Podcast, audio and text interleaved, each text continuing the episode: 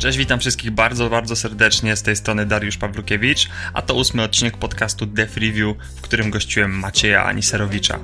Maciek jest programistą, blogerem, hostem podcastu DevTalk, szkoleniowcem oraz speakerem na polskich konferencjach programistycznych. Tematem dzisiejszego odcinka będą testy w dotnecie, Dowiecie się zatem, jak testować nasze aplikacje, czym jest Test Driven Development, jak testować bazy danych oraz czym są testy konwencji. Nie pozostaje nic innego, jak zaprosić Was do wysłuchania rozmowy.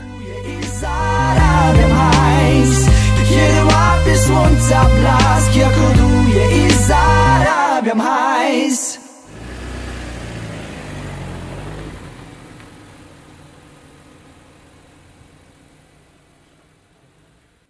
Cześć Maciek, witam cię bardzo serdecznie w nie twoim podcaście.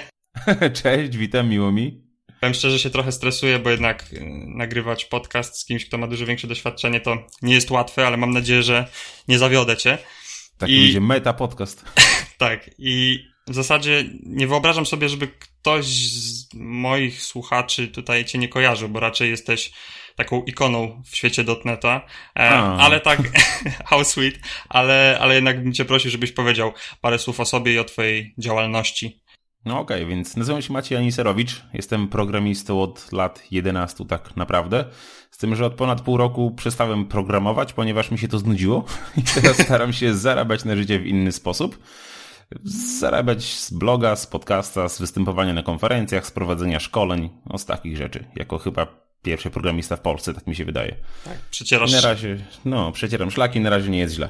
No i oby się tak utrzymało, bo jednak wszyscy liczą, że, że to jednak mityczne e, utrzymywanie się z bloga jest, jest, wiesz, jest, jest e, możliwe jednak. Byłoby fajnie. No szczególnie jak się nie jest szafiarką. tak. To byłoby, byłoby naprawdę super. I powiem szczerze, że jak ja jeszcze parę lat temu cię nie, tak nie kojarzyłem, czytałem twojego bloga co jakiś czas, to ty byłeś y, dla mnie taką osobą, która słyszałem Maciej Aniserowicz, myślałem testy jednostkowe. I o testach właśnie dzisiaj będziemy rozmawiali, bo mhm. pamiętam bardzo dużo e, swoich postów poświęcałeś właśnie testom, e, prowadzisz szkolenia z tego zakresu i oprócz tego też występowałeś na konferencji .NET.conf, gdzie trzy części aż poświęciłeś testom jednostkowym, więc coś musi być na rzeczy, że jednak y, to szerzysz tą wiedzę wśród polskich devów. No właśnie i testy jednostkowe mam wrażenie, że to jest taki temat, który każdy o nim słyszał, każdy wie, że powinno się to robić, ale nie do końca chyba każdy wie, jak się za to zabrać. Więc moje takie pierwsze pytanie to po co w ogóle mamy testować naszą aplikację? Czy to jest naprawdę tak bardzo potrzebne? Znaczy właśnie w sumie jest tak jak mówisz, każdy słyszał, wielu próbowało, mało komu się udaje niestety. Temu, że to jest po prostu trudne i z mojego doświadczenia, głównie chyba jak od ponad roku jeżdżę właśnie ze szkoleniami na ten temat, to widzę, jakie są oczekiwania stawiane przed testami przez ludzi. No i te oczekiwania są takie, że jak wprowadzimy testy, to nagle w jakiś magiczny sposób liczba bugów w naszym systemie wyniesie zero albo się zredukuje straszliwie. A to właśnie jest oczekiwanie błędne, ponieważ wcale niekoniecznie musi tak być. Jasne. I testy ogólnie mają dużo bardzo e, różnych korzyści ze sobą niosą i ta redukcja bugów faktycznie zachodzi, ale dopiero po jakimś czasie, jak nauczymy się te testy pisać. A mało która firma, mało który zespół dochodzi do tego etapu, po prostu widzą, że piszą testy, system się tak samo wywala, jak się wywalał, więc przestajemy pisać testy.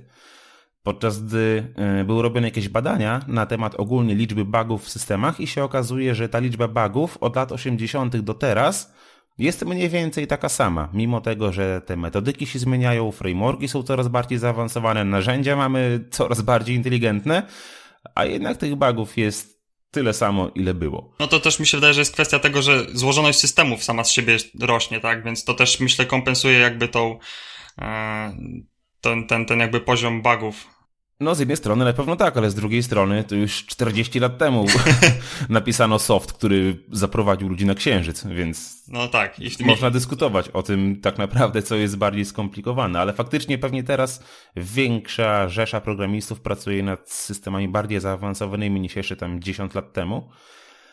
No i to właśnie w programistach być może jest wina. Jasne. I przy takim, kiedy chcemy się zabrać w ogóle za testowanie, to często jest, pokutuje takie stwierdzenie, że jeżeli chcemy testować system, to musimy robić to kompletnie, czyli od A do Z. Każdą metodę, każdą linijkę musimy mieć przetestowaną. Czy to jest przede wszystkim realne i czy po drugie jest to praktyczne? To no, zależy od tego, co jest naszym celem, bo jeżeli chcemy, żeby w systemie było mniej bugów, to testy faktycznie mogą w tym pomóc i ja miałem takie doświadczenie, na przykład, że przez 2-3 tygodnie pisałem jakiś system, nie uruchamiałem go ani razu i po trzech mhm. tygodniach uruchamiam, działa zero bugów. Temu właśnie, że pisałem go e, pisząc testy, ale to było już po jakichś 6 latach ogólnie zajmowania się tematem testów, bo to jest moje takie, można powiedzieć, hobby i to jest moja ulubiona dziedzina, jeśli chodzi ogólnie o wytwarzanie oprogramowania. No, a żeby testy powodowały, że bugów jest w systemie mniej, to po pierwsze testy muszą być napisane dobrze, tego się po prostu trzeba nauczyć. No po drugie specyfikacja musi być napisana dobrze, programista musi tę specyfikację zrozumieć i wymagania wszystkie muszą być przeanalizowane. To nie jest tak po prostu, że napiszemy jakiś test i on sobie działa. Bo test tak naprawdę sprawdza, jeśli jest dobrze napisany, że system działa tak, jak tego oczekuje programista, a nie jak tego oczekuje biznes. Jasne. I często z tego też pojawiają się bugi. A jak pytasz o to, czy warto jest wszystko testować, no to tu trzeba wspomnieć o takim pojęciu jak code coverage, czyli pokrycie kodu testami. I właściwie to jest taka metryka, która pokazuje nam, ile procent linii kodu jest wykonywanych w czasie wykonywania testów. I to tak naprawdę nie mówi nam zupełnie niczego, bo można napisać testy, które niczego nie sprawdzają, tylko wywołują metody i ten wskaźnik nam drastycznie rośnie.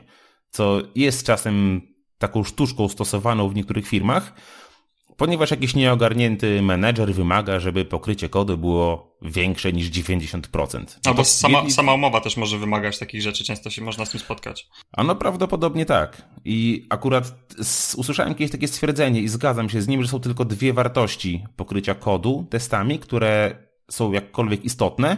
Pierwsza wartość to jest 0%, która oznacza, że testujemy za mało, a druga wartość to jest 100%, która mówi, że testujemy za dużo. To jest w sumie fajna miara, podoba mi się, taka uniwersalna. No i trzeba, wiesz, kierować się y, jakimś zdrowym rozsądkiem i nie patrzeć na ten procentaż, że tak powiem. I akurat kiedyś, tam lata temu, jak się zachłysnąłem tymi testami, wtedy badałem faktycznie procent pokrycia kodu testami, ale od lat już tego nie robię i moim zdaniem to nie ma większego sensu. No, takie lansowanie się też mi się wydaje, jeżeli mamy jakąś tam pewną miarę przyjętą swoją, to wydaje mi się, że powinniśmy po prostu dobierać pod swoje wymagania też biznesowe, a nie tam tutaj się... To zależy od tego, co piszemy tak naprawdę. Jak tak. jest jakaś aplikacja najprostsza, krudowa, to być może ona w ogóle testów nie potrzebuje. Jasne. Jak nam się większość kodu generuje. Ale z drugiej strony jest Uncle Bob Martin. Mam nadzieję, że wszyscy o nim słyszeli. Jeśli nie, to każdy powinien o nim słyszeć. Uncle Bob Martin mówi, że powinniśmy dążyć do pokrycia kodu 100%. I słyszałem takie zarzuty względem niego, że to jest takie zbyt drastyczne podejście, dogmatyczne, ale też trzeba zwrócić uwagę na to, do kogo on to swoje słowa kieruje. On raczej zwraca się do osób, które nie mają doświadczenia w testowaniu, a z... mi się wydaje, tak też z moich obserwacji wynika, że jak ktoś dopiero zaczyna z jakimś tematem, to trzeba dawać mu jak najmniej reguł, jak, naj... jak najbardziej rygorystycznych. Tak. I reguła prosta. Masz pokryć 100% kodu testami, jest dobra na początku drogi. Jasne, to brzmi, brzmi rozsądnie. A jeszcze wspomniałeś wcześniej o tym, żeby dobrze pisać testy. I czy to też trochę nie jest tak, że kiedy my piszemy sobie testy, to traktujemy je tak trochę po macoszemu? Na zasadzie, a tutaj zrobię, to nie musi być ładne, ważne, żeby kod produkcyjny był e, ładny, a to jak wyglądają testy, to już byle przechodziły i tyle. No niestety masz rację, bardzo często tak jest. Testy się na produkcji nie wykonują, więc testy można sobie pisać byle jak. A to jest wielka pułapka, bo testy wtedy pełnią jakąkolwiek rolę tylko dla osoby, która je pisze, a później mamy takie megabajty nieczytelnego tekstu zalegające gdzieś w repozytorium, nikt tego nie rozumie, każdy boi się tego dotknąć. I tak naprawdę, jak mamy bagno w kodzie produkcyjnym, to mamy jeszcze większe bagno w testach. I nic się z tym za bardzo wtedy nie da zrobić. To trzeba podejść do testów w taki sposób, że one są tak samo ważne jak kod produkcyjny, a czasem nawet moim zdaniem ważniejsze. Mhm. I kiedyś Mark Seaman, kolejna taka ikona, tym, tym razem w świecie e, .NETu, jeśli chodzi o testy, usnął taką teorię, że no z kodu produkcyjnego nie wygenerujesz testów jednostkowych, ale jak masz super napisane testy, to wygenerujesz z nich bezbłędny kod produkcyjny. Więc pozostaje taka refleksja, co jest ważniejsze. No tak, brzmi to, brzmi to faktycznie ok. Ale też wydaje mi się, że jakby ważność tych testów jednostkowych jest, e, jest też taka, że my czasami, e, chcąc zrozumieć jakby złożoność biznesową naszego systemu, możemy się posiłkować właśnie testami, czyli widzimy, czego oczekujemy w naszych testach, jakie są rezultaty. Jeżeli te testy są napisane no, do dupy, to tak naprawdę one nam nic nie dają. Widzimy tylko ścianę krzyżyków lub, lub ptaszków zielonych, że testy się wykonują poprawnie lub nie, a tak naprawdę żadnej wartości takiej edukacyjnej dla nas też y, to, to, to nie wnosi. No jak najbardziej, to jest druga rola testów. Pierwsza to jest taka bardzo często właśnie oczekiwana, że testy zredukują liczbę bugów, a druga rola, która jest niezmiernie istotna, to taka, że testy są po prostu dokumentacją naszego kodu. Tak. Dokumentacją lepszą niż komentarze w kodzie, albo lepszą niż jakaś dokumentacja w Wordzie, z tego względu, że one się nigdy z kodem nie rozsynchronizują, co jest nagminne w przypadku jakiejś dokumentacji tekstowej. Jeżeli te testy będą napisane tak, że ja wchodzę w testy i ich nie rozumiem, no to one tej roli nie pełnią. A to jest jedna z głównych ról testów, nie tylko jednostkowych, ale jednostkowych też. Słuchacie podcastu Dev Review. Okej, okay. mówiąc o testach, nie możemy pominąć takiego zagadnienia jak test driven development i to jest e, też taki koncept, e, który jest mocno skorelowany i też mam wrażenie, że każdy uważa, że to TDD gdzieś tam u niego w systemie e, realizuje, natomiast jak to później wygląda, to różnie z tym bywa. I mógłbyś powiedzieć w skrócie, czym jest TDD? Mm, jasne. Znaczy TDD ja bym to rozdzielił na takie dwie rodziny, dwa podejścia do ogólnie testowania. Jest takie TDD promowane właśnie przez Uncle Boba Martina, przez Kenta Becka, a przez, ogólnie przez tych wyznawców i promotorów Extreme Programming. I takie prawdziwe test-driven development polega na tym, że najpierw piszemy tyle testu, tyle kodu w kodzie naszym testującym, żeby nam się system przestał kompilować, albo żeby ten test nie przechodził. Potem piszemy jak najmniejszą ilość kodu, żeby ten test przechodził. I znów przeskakujemy do kodu testów, potem znów przeskakujemy do kodu produkcyjnego i tak zmieniamy kontekst co 15-20 sekund. Więc to y, jest takie skakanie bardzo częste po kodzie, i to faktycznie może być bardzo efektywne, z tym, że to wymaga wielkiej dyscypliny i jakiegoś tam przygotowania wcześniejszego. I akurat ja tego nie polecam, bo to może bardzo ludzi odstraszyć, mimo tego, że na pewno jakieś wartości za tym idą.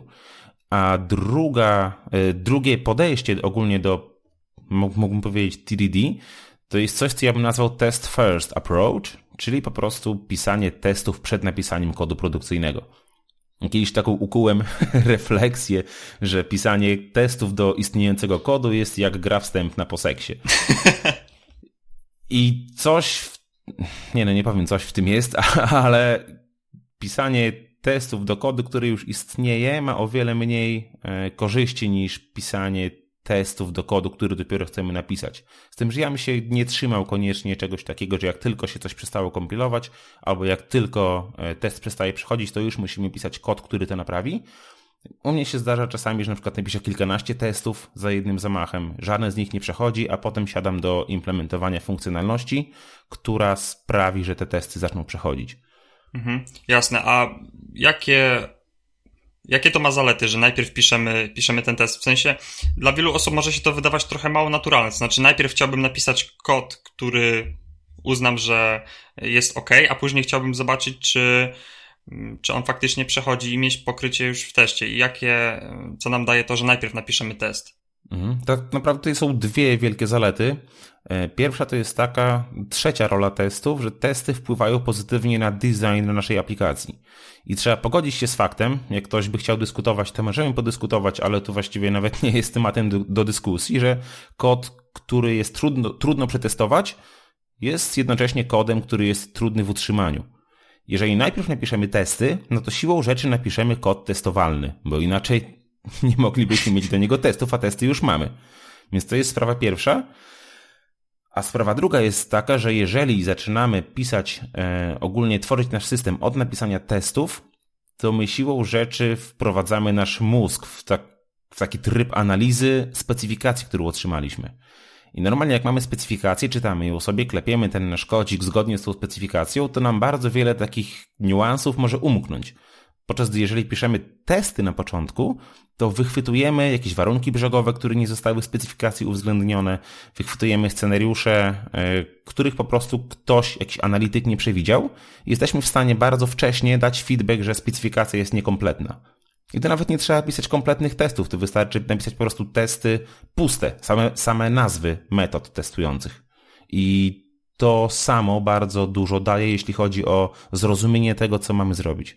I wydaje mi się, że to jest bardzo mm, przydatna rzecz. Właśnie dokładnie to, o czym powiedziałeś, bo często się zdarza e, tak, że pisząc jakiś kod, nie pisząc testów, dostajemy analizę od analityka, czy też sami sobie taką analizę wytwarzamy.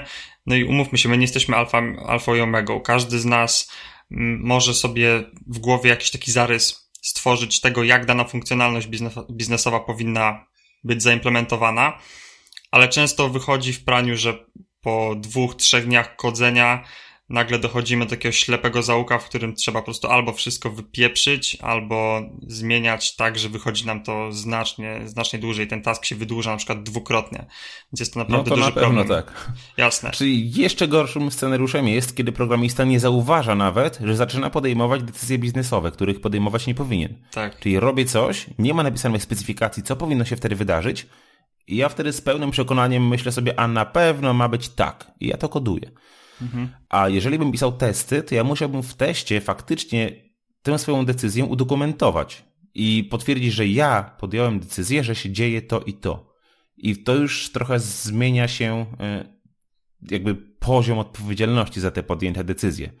Jeżeli ja faktycznie najpierw napisałem test, gdzie świadomie napisałem, że dzieje się to i to, a nie ma to pokrycia w specyfikacji, to coś jest nie tak. Jasne. A powiedz, wspomniałeś wcześniej, że jeżeli chcemy TDD wprowadzić do już istniejącego kodu, to mija się to trochę z celem. I właśnie co, co byś polecił osobom, które no, widzą, że ten ich system jest tak pisany trochę, e, tak, tak wiesz, trochę na pałę, na zasadzie wydaje nam się, że jest ok, ale tak naprawdę nie wiemy, czy jakiś edge case przyszłości nie wystąpi i czy nie będziemy mieli z tego powodu problemów. Więc może zacznijmy wprowadzać testy, bo chociażby po wysłuchaniu tego podcastu, czy po prostu obejrzeniu jakiejś prezentacji, chcemy wprowadzić TDD, to czy powinniśmy testy pisać tylko do nowych funkcjonalności, czy w jakimś stopniu próbować e, też pokryć testami kod, który już aktualnie posiadamy? A to jest bardzo fajne pytanie, bo to jest dość ciężki problem i tak naprawdę ma do rozwiązanie dość proste, tylko trzeba je sobie uzmysłowić. Znaczy, no, po pierwsze, jeżeli mamy już istniejący kod, to nie będziemy robić TDD, ponieważ TDD polega na tym, że nie mamy tego kodu. Więc no tak. pytanie chyba jest takie, czy trzeba Jasne. doklepać testy do istniejącej fun funkcjonalności. I akurat byłem świadkiem kiedyś czegoś takiego, że w jednej dużej firmie robiącej pewien ogromny portal e, internetowy w Polsce, zatrudniono dwóch praktykantów na dwa czy trzy miesiące na całe wakacje i ich zadaniem było oczywiście doklepanie testów do systemu, który pisaliśmy. No i ci praktykanci po dwóch miesiącach sobie odeszli. Te ich testy były oczywiście do niczego, więc je po prostu skasowaliśmy. Więc to nie jest droga do sukcesu, doklepywanie na siłę testów do kodu, który już mamy. No bo skoro ten kod sobie już istnieje jakoś tam zarabia, jakoś tam działa, no to teraz zatrzymywać cały development i cały rozwój tylko po to, żeby pokryć go testami, nie przyniesie żadnych kompletnie korzyści. I tu właściwie są trzy przypadki, w których ja bym rozważał dodawanie testów do istniejącego systemu. Tylko trzeba liczyć się z tym, że wtedy pokrycie całego systemu testami będzie albo niemożliwe, albo będzie trwało latami, ale to jest w porządku. Mhm. Więc scenariusz pierwszy jest taki, że jeżeli dodajemy nową jakąś funkcję, to staramy się pisać nowy kod w separacji od tego, co już napisane mamy. I to może wydawać się trudne, ale takie nie jest. Po prostu tworzymy sobie nowy katalog w projekcie, czy w ogóle nowy projekt, piszemy tam logikę, a potem piszemy w naszym istniejącym systemie jakiś adapter, który sobie z tym rozmawia. I ten nasz nowy kod jest już testowalny, do niego łatwo napisać jest testy. Napisać można go właśnie za pomocą test first approach, czyli pisząc najpierw testy, jakby to był w ogóle, w ogóle osobny serwis. E, oso... Jakby to był osobny serwis? Tak, serwis. Tak. Więc tu wchodzi też temat mikroserwisów, tak troszkę. Ale to wcale niekoniecznie musi być jakiś serwis działający sobie jako osobny proces, a po prostu odrębny kawałek kodu, niezależny od całej pozostałej logiki. Więc to jest pierwszy scenariusz, kiedy dodajemy do naszego systemu coś nowego. Scenariusz drugi, kiedy dostajemy zgłoszenie błędu. Wtedy powinniśmy dążyć do tego, aby zawsze najpierw mieć test, który weryfikuje, że ten błąd faktycznie występuje. I to może wymagać trochę refaktoringu w naszym kodzie, żeby udowodnić, że faktycznie błąd tam jest, ale to może mieć ogromne zalety. Więc najpierw piszemy test, który pokazuje, że błąd faktycznie istnieje, w jednym komicie powiedzmy, a w drugim komicie ten błąd naprawiamy. I wtedy nawet w, w samej kontroli wersji, w historii pięknie widać, jak ten system ewoluuje. No i scenariusz trzeci to jest, gdy planujemy jakiś większy refactoring, to warto jest pokryć kod testami, e, żeby upewnić się, że nie zmieniamy czegoś, czego zmienia, zmieniać nie planowaliśmy. Z tym, że to jest ogólnie taka dość śliska sprawa moim zdaniem i planowanie dużych refaktoringów tylko po to, żeby zrobić refaktoring w 90% jest bez sensu. Ale jeśli ktoś planuje to zrobić, to równie dobrze może stracić trochę więcej czasu i kasy i doklepać do tego testy.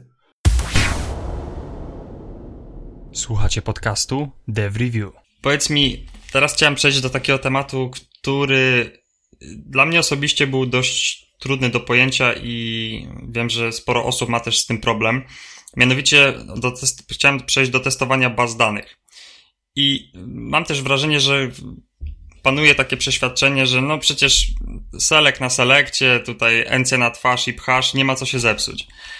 E, I jakie jest Twoje zdanie? Czy testowanie baz danych ma sens i powinniśmy testować same operacje bazodanowe, które nasz, nasz system wykonuje?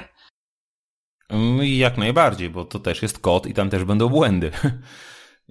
Akurat tu miałem dość przykre doświadczenie. Kiedyś pisałem system, e, który wysyłał SMS-y do klientów i miałem w bazce listę SMS-ów do wysłania i tam coś w tle co 15 sekund czy co 10 sekund sobie zbierało te SMS-y, wysyłało je przez bramkę, oznaczało wysłane na true, zapisywało z powrotem do bazy.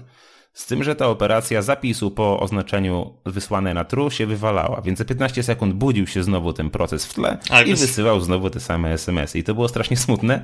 Na szczęście na bramce klient miał wykupione tylko za 100 czy 200 zł, więc na szczęście nie poszło tych SMS-ów miliony, ale wstyd i tak pozostał.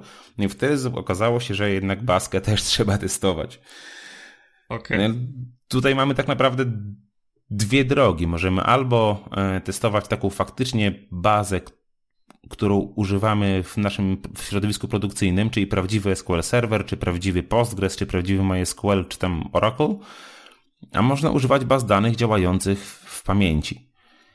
Mhm. I w te bazy danych działające w pamięci mają dużo zalet. Pierwsza jest taka, że te testy są szybkie. One są prawie tak szybkie jak normalne testy e, jednostkowe, ale trzeba zdawać sobie sprawę z tego, że to jednak jest inny silnik tak naprawdę niż ten, który będzie działał na produkcji. Więc powinniśmy zarezerwować sobie takie testy baz danych działających w pamięci dla jakichś scenariuszy najprostszych. Na przykład no, select gwiazdka from tabela. Można sobie wtedy taką tabelę e, w tej bazie, bazie danych działającej w pamięci zasymulować w bardzo prosty sposób no i po prostu sprawdzić w jakiś, jak nasz kod, e, in, jak wygląda interakcja naszego kodu z taką bazą. Więc pi- pierwsza tak naprawdę rodzina testów to będzie rodzina testów badających, jak nasz kod wchodzi w interakcję z bazą. A jest druga rodzina testów, to jest faktycznie testowanie logiki zawartej w bazach danych. No I teraz w dobie ORM-ów i ogólnie odchodzenia od e, baz zawierających jak- jakąkolwiek logikę, to się może wydawać śmieszne, ale prawie każdy system, a w tych starszych systemach to właściwie każdy zawiera sporo logiki w bazie. I to mogą być albo procedury składowane, albo logika zawarta jakoś w widokach czy w funkcjach. No i to przetestować też trzeba.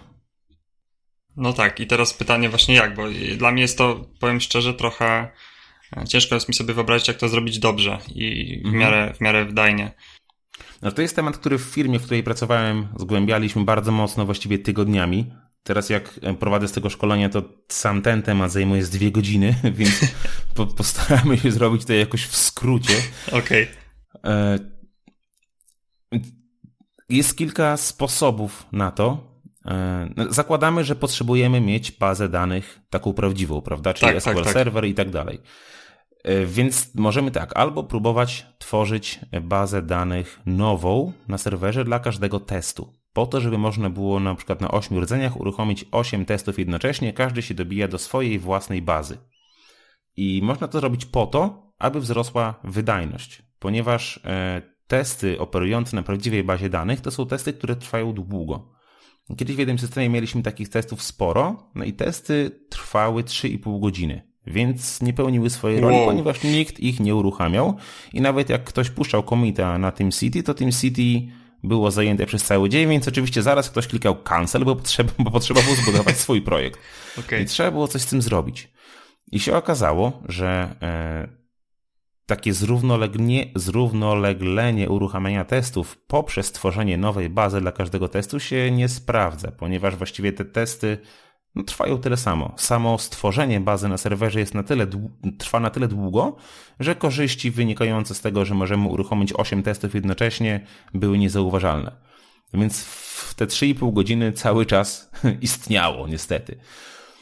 E, Więc nie trzeba się w takie coś ładować. Wystarczy mieć jedną bazę dla wszystkich testów. Wtedy oczywiście testy muszą wykonywać się sekwencyjnie, nie można uruchomić kilku naraz, bo będą sobie nawzajem e, dane nadpisywać, ale przy starcie testu czyścimy całą bazę, e, skimę, dane, odtwarzamy całą bazę, tą jedną bazę danych, mamy jakieś skrypty, czyli odtwarzamy całą skimę, wrzucamy jakieś swoje testowe dane, no i uruchamiamy logikę, którą chcemy przetestować. Robimy asercję i zostawiamy tak to. Dzięki temu po uruchomieniu jednego testu w bazie danych pozostają nam dane z tego jednego testu, więc jeśli coś działa nie tak jak trzeba, to możemy się podpiąć do baski, zobaczyć jakie dane faktycznie ten test tam nam pogenerował.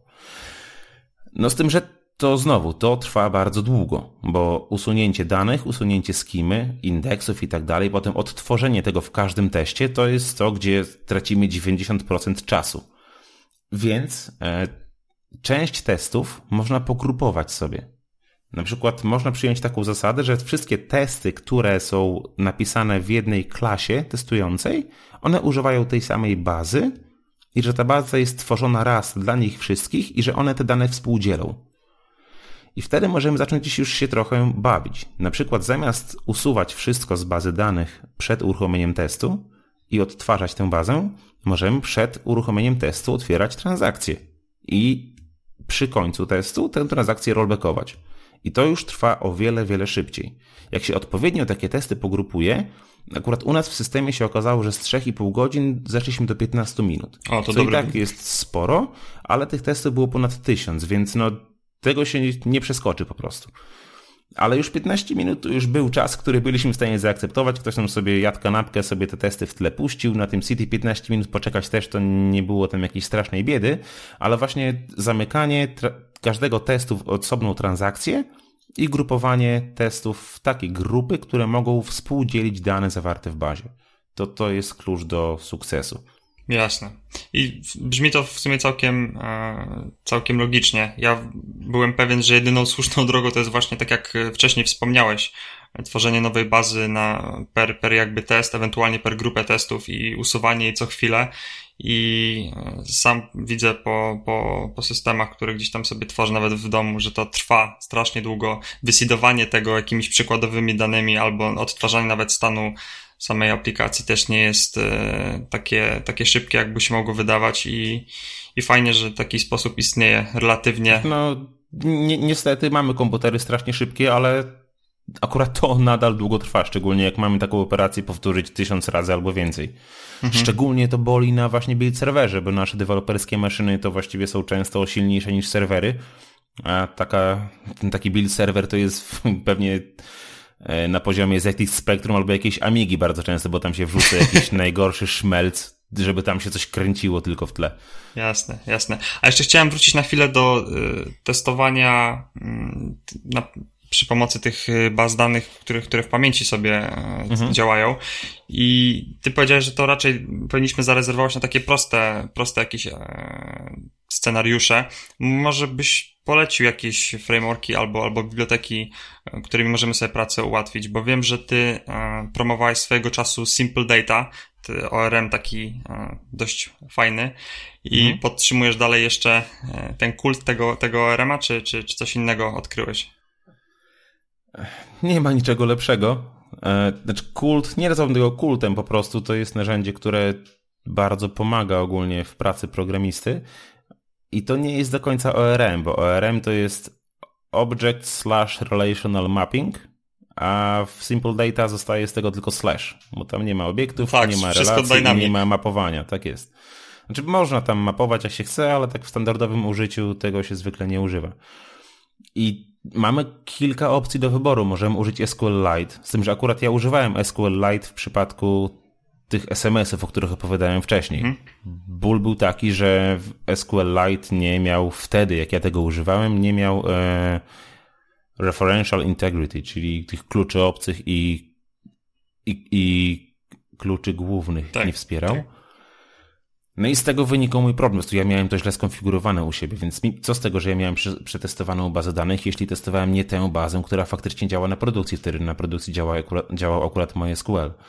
Możemy używać tego, możemy używać e, SQL Compact, SQL Server Compact czy coś takiego. Microsoft wypuścił kilka takich działających w pamięci baz danych. Właściwie każda będzie dobra, o ile ograniczymy się do takich podstawowych faktycznie scenariuszy.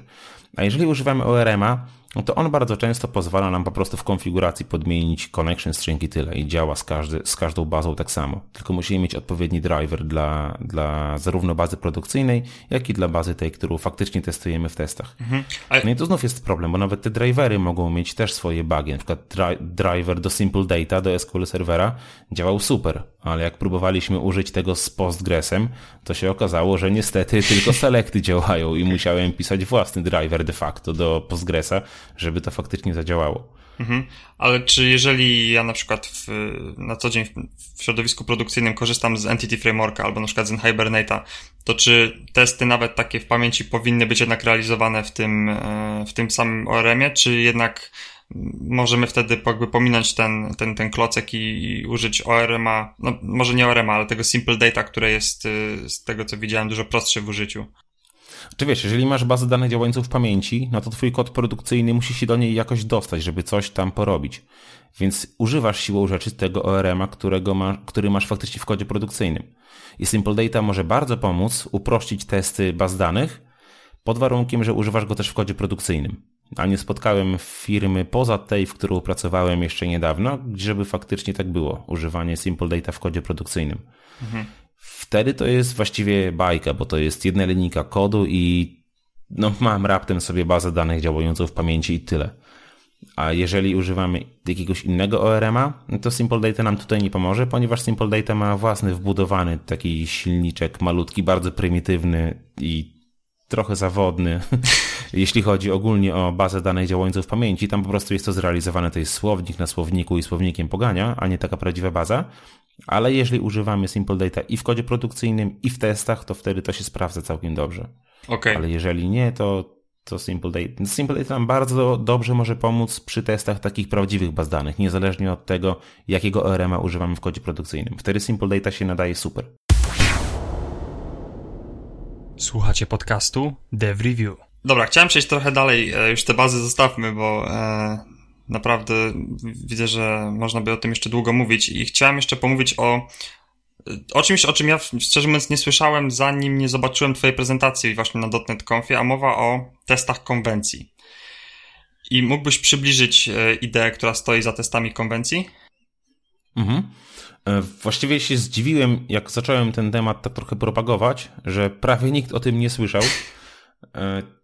Ja sam usłyszałem o tym od człowieka, który nazywa się Krzysztof Koźmic. To jest Polak, który pracował przez wiele lat nad e, kontenerem Dependency Injection Castle Windsor i skłębiał też temat właśnie testów konwencji, convention tests. Testy konwencji to, ja to lubię nazywać, że to jest kompilator dedykowany dla naszej aplikacji. Normalnie jak mamy jakiś kompilator, to on sprawdza, czy napisaliśmy kod C-Sharpa w poprawnej składni. Ale to jest często za mało, no bo on nie sprawdzi na przykład, czy nasz kontroler faktycznie dziedziczy z klasy controller. Albo czy nasz view model na przykład nie używa jakiegoś repozytorium, czego nie powinien robić.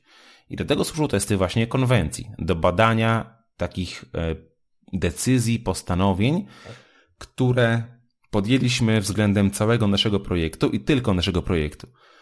To nie są takie reguły, które przynosimy pomiędzy projektami. Tu świetnym przykładem e, może być coś takiego, że nie powinniśmy na przykład w jakimś systemie używać datetime.now. No powinniśmy tak. używać datetime.utcnow. I można napisać test, który przeora się przez wszystkie nasze pliki źródłowe, wyszuka, e, kompilując je za pomocą rozlin chociażby, wyszuka wszystkie odwołania do datetime.now, no i po prostu taki test nie przejdzie, jeśli takie coś znajdzie. Albo możemy sprawdzić, czy wszystkie nasze pliki o rozszerzeniu CSHTML są w projekcie oznaczone jako, e, jako content we właściwościach pliku. Więc to nawet nie jest testowanie tylko kodu, ale również tego, w jaki sposób skonfigurowaliśmy nasz projekt, po prostu jakich konwencji właśnie musimy używać. A taki przykład najbardziej podstawowy to jest chociażby to, czy wszystkie interfejsy mają nazwę zaczynającą się od wielkiego I. To jest taka najbardziej podstawowa konwencja, gdzie po prostu refleksją oramy wszystkie pliki w naszym projekcie i wyszukujemy takie interfejsy, które zaczynają się inaczej niż od wielkiego i. I taki test nie przechodzi wtedy. Okej, okay. czyli to może być mm, przydatne dla takich zespołów, które umówiły się na pewną konwencję, po prostu chcą jakby egzekwować ją od, e, od wszystkich deweloperów, tak? Wydaje mi... Tak, tak, tak, tak, tak. To trochę tu można powiązać jeszcze pojęcie statycznej analizy kodu, Dokładnie. I takie narzędzia jak FXScope czy StyleScope, z tym, że ja jestem wielkim przeciwnikiem takich narzędzi, dlatego że bardzo często one są wykorzystywane, ponieważ ktoś każe. Jakiś menedżer usłyszał, że takie narzędzie jest i bach, instalujemy, wszyscy macie stosować się do tych reguł. A te reguły często są po prostu brane z defaultu, nie są w ogóle przeglądane, czy nie są jakoś analizowane, czy one faktycznie w kontekście naszego zespołu mają sens. To jest takie zakładanie trochę danów na ręce programistów. A takie testy konwencji to jest coś, co my budujemy od zera, bardzo niewielkim kosztem, osiągając te same efekty, które może dać nam statyczna analiza kodu, a nawet efekty większe, no bo statyczna analiza kodu nie zbada nam, jak wyglądają nasze pliki CS Pro chociażby. A testy konwencji do tego między innymi służą. Tak, szczególnie, że powiedziałeś, że też możemy wykorzystać Rozlina, on też jest dość potężny.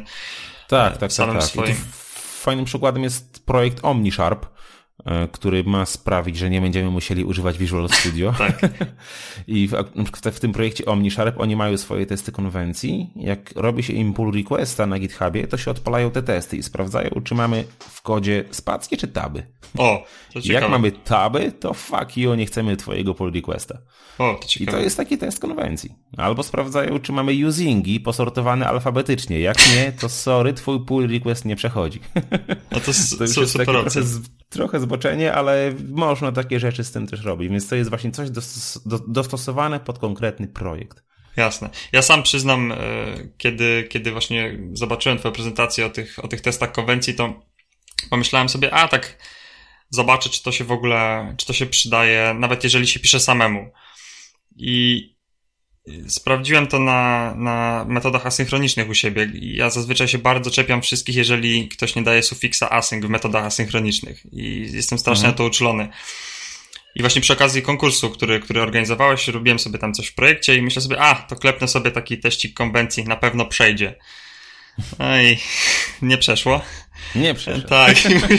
Cztery, czterech metodach, znaczy dwa razy w interfejsie, dwa razy w klasie, potem poszło i po prostu taki wstyd. E, I więc, więc faktycznie nawet jeżeli, jeżeli myślicie, że, że nie robicie takich błędów, to myślę, że warto sobie nawet tak dla sprawdzenia siebie napisać takie testy i zobaczyć, jak czasami się daje dupy po prostu po całości. No tak, tym bardziej, że one nic nie kosztują, one się uruchamiają błyskawicznie, bo to jest kwestia załadowania DLL tak, odpowiednich tak. i po prostu przejechania się refleksją po typach zwykle i, i to jest tyle. A naprawdę mogą wychwycić no, poważne błędy. Bo to, co mówisz, tam nazwa metody, albo to, co ja mówiłem, nazwa interfejsu, to to jeszcze nie jest jakoś tam mega istotne, że nam się nagle no tak, system tak. wywali. a no, są takie e, błędy, jak chociażby z tymi plikami CS, HTML e, oznaczonych jako content albo nie, to może spowodować, że po prostu wdrożenie się nie uda. Tak, akurat taki mieliśmy scenariusz dwa razy i po, drugim, po drugiej takiej wpadce taki test dopisaliśmy i już nigdy taki błąd nie wystąpił. No tak, to wydaje mi się właśnie to jest też super, jeśli chodzi o tą przewagę nad statyczną analizą kodu, jeżeli e, możemy sobie takie rzeczy sprawdzać. Słuchacie podcastu Dev Review. Może trochę porozmawiamy o, o, narzędziach i bibliotekach, które mamy dostępne w dotnecie i wiemy, że jest ich, jest ich kilka. Mamy XUnit, mamy NUnit, mamy też niesławne MS Test. E, który, który z nich byś polecił e, słuchaczom do tego, żeby, żeby jednak w dotnecie testować? Zresztą, gdybyśmy rozmawiali 4 lata temu, to bym powiedział, żeby zacząć od MS Test, ponieważ 4 lata temu, czy coś koło tego, E, to był jedyny framework, który działał w Visual Studio bez babrania się w jakieś dodatki. E, na to jest akurat narzędzie, niestety, które jest najgorsze z dostępnych, możliwych. Mm, świadczy o tym chociażby to, że jest specjalny nugget, który nazywa się MS Test Hacks, który naprawia błędy, które Microsoft w, tym, w tej bibliotece uczynił. No na szczęście Microsoft poszedł po rozum do głowy i być może przyznali, że nie potrafią napisać dobrego, dobrej biblioteki do testów i E, tak spimpowali swój test runner w Visualu, że można właściwie w nim bez żadnego ReSharpera uruchamiać wiele innych bibliotek. Mhm. No i tak jak powiedziałeś, mamy kilka do wyboru. Jest NUnit, który jest takim standardem właściwie. E, to była chyba pierwsza taka poważna biblioteka do pisania testów w dotnecie. To jest port z biblioteki JUnit ze świata Java, kiedy jeszcze Java była przed dotnetem, czyli dawno temu. E, a ja osobiście najbardziej lubię XUnit. Z tego względu, że e, tam kolesie wyszli z założenia, że sam język C Sharp daje nam takie możliwości, że nie ma sensu tworzyć nowych atrybutów tam, gdzie nie ma takiej faktycznie konieczności. Więc na przykład jak mamy metodę, która się ma wykonać przed każdym testem, to zarówno w MS Test, jak i w NUnit musimy napisać po prostu metodę, oznaczyć ją odpowiednim atrybutem, a w XUnit to jest po prostu konstruktor w naszej klasie zawierającej testy. Tak samo metoda, która posprząta nam po każdym teście, tak zwany teardown. Tak samo, również w MS Test i w NUnit musimy napisać specjalną metodę, oznaczyć ją odpowiednim atrybutem, a w XUnit po prostu implementujemy iDisposable, robimy metodę dispose i ona wykona się po każdym teście. I to mnie strasznie w, tym, w tej bibliotece urzekło. To jest akurat, też potwierdzam, w tym NUnit patrzyłem, e, patrzyłem na to trochę i sporo tych atrybutów było. Mój kolega też e, pisał, pisał właśnie testy w Unicie i w zasadzie bez takiego przygotowania i spojrzenia w dokumentację ciężko było się połapać, a właśnie w XUnitie jest super to, że widzę, że jest fakt, konstruktor, od razu w zasadzie wszystko jest jasne i nie trzeba jakoś mhm. tutaj zbytnio, zbytnio się tutaj doszukiwać, co się tutaj w zasadzie dzieje. Tak, tym bardziej, że teraz to już jest do, dopracowane właściwie bardzo dobrze. Jeszcze jak zaczynałem się w to bawić tam lata temu, to uruchomienie tego to trzeba było się trochę nagimnastykować i to nie, nie można było na tym do końca polegać. Teraz po prostu się instaluje Nugeta i śmiga. Tak, i oprócz tego też integracja, jeżeli ktoś bardzo chce, to z ReSharperem też są pluginy, można bardzo szybko spiąć to wszystko, żeby, żeby w tym runnerze ReSharperowym odpalać te testy z XUnita, więc... Tak, z ReSharperem i z tym visualowym runnerem, więc z tym nie ma problemu. Ja też zachęcam właśnie, żeby spojrzeć na, X, na XUnit.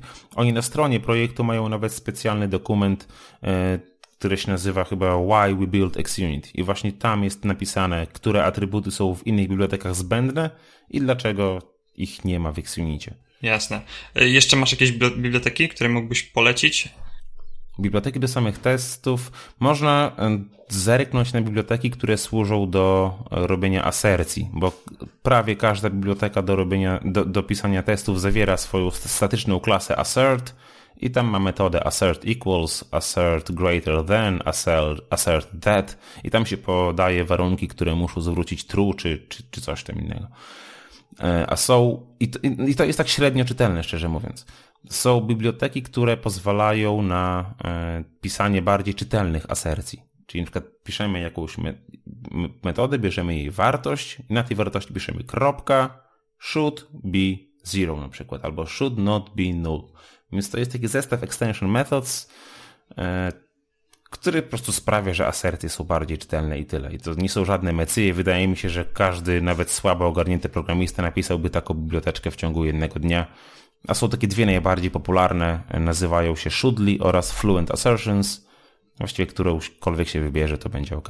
Jasne. I z tego co pamiętam, mówiłeś, że Shoodly ci bardziej podeszło, bo miało metodę assert awesomely, coś takiego. Tak, tak, tak. Zerknąłem w kod, zobaczyłem metodę, która się nazywa assert awesomely i wiedziałem, że, to, to jest... ktoś miał frajdę pisząc tę biblioteką, więc ja bardzo chętnie jej poużywam. Tak, i przyjemnie się bardzo używa i faktycznie dużo, dużo czytelniejsze się te, wtedy te testy wydają i nie trzeba się jakoś doszukiwać, co się, co się w zasadzie dzieje tam. Mhm. Maciek, wielkie dzięki e, za to, że, że się zgodziłeś wystąpić. E, mam nadzieję, że nie, było, nie, że nie byłem tak bardzo do dupy. E, A dlaczego miałbyś być? Nie, no wiesz, to jest stres jednak.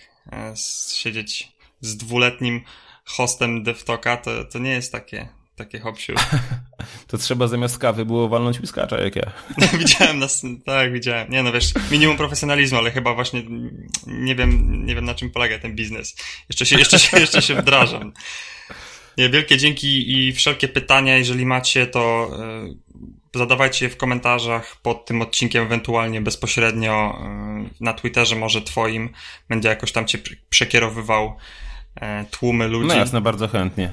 O testach zawsze chętnie porozmawiam. Jasne. A oprócz tego też podlinkujemy wszystkie mm, prezentacje Maćka, o których też wspomnieliśmy e, i inne materiały, które, które uznaliśmy, że są naprawdę godne polecenia związane z TDD, z testami będą na pewno też na, na blogu, więc zapraszamy. Dobra, wielkie dzięki jeszcze raz Maciek. Dziękuję również. Na razie. Hello World. Programistok 2016. Sprawdźcie to. Posłuchajcie kochani. To kawałek dla wszystkich tych, którzy przed najbliższym wdrożeniem chcą wreszcie nauczyć się programować. Sprint by sprint, po pierwszym kroku Będziecie wszyscy w szoku. Co jest w tym białym stoku, co tutaj kodzi się? Ileż wy grup tu macie, jak wy to ogarniacie? Tyle języków znacie, proszę. Nauczcie mnie, jak zrobić tego ifa. Gdzie wpisać tego wera? Gdzie ta dokumentacja, znów PM na wakacjach Bo kod to nasza siła, która nas zjednoczyła. To dla was ta zadyma, ta konfa jara mnie bo ja kodzić chcę. Może nauczysz mnie jak kodzi się. Ta konfa jara mnie. jara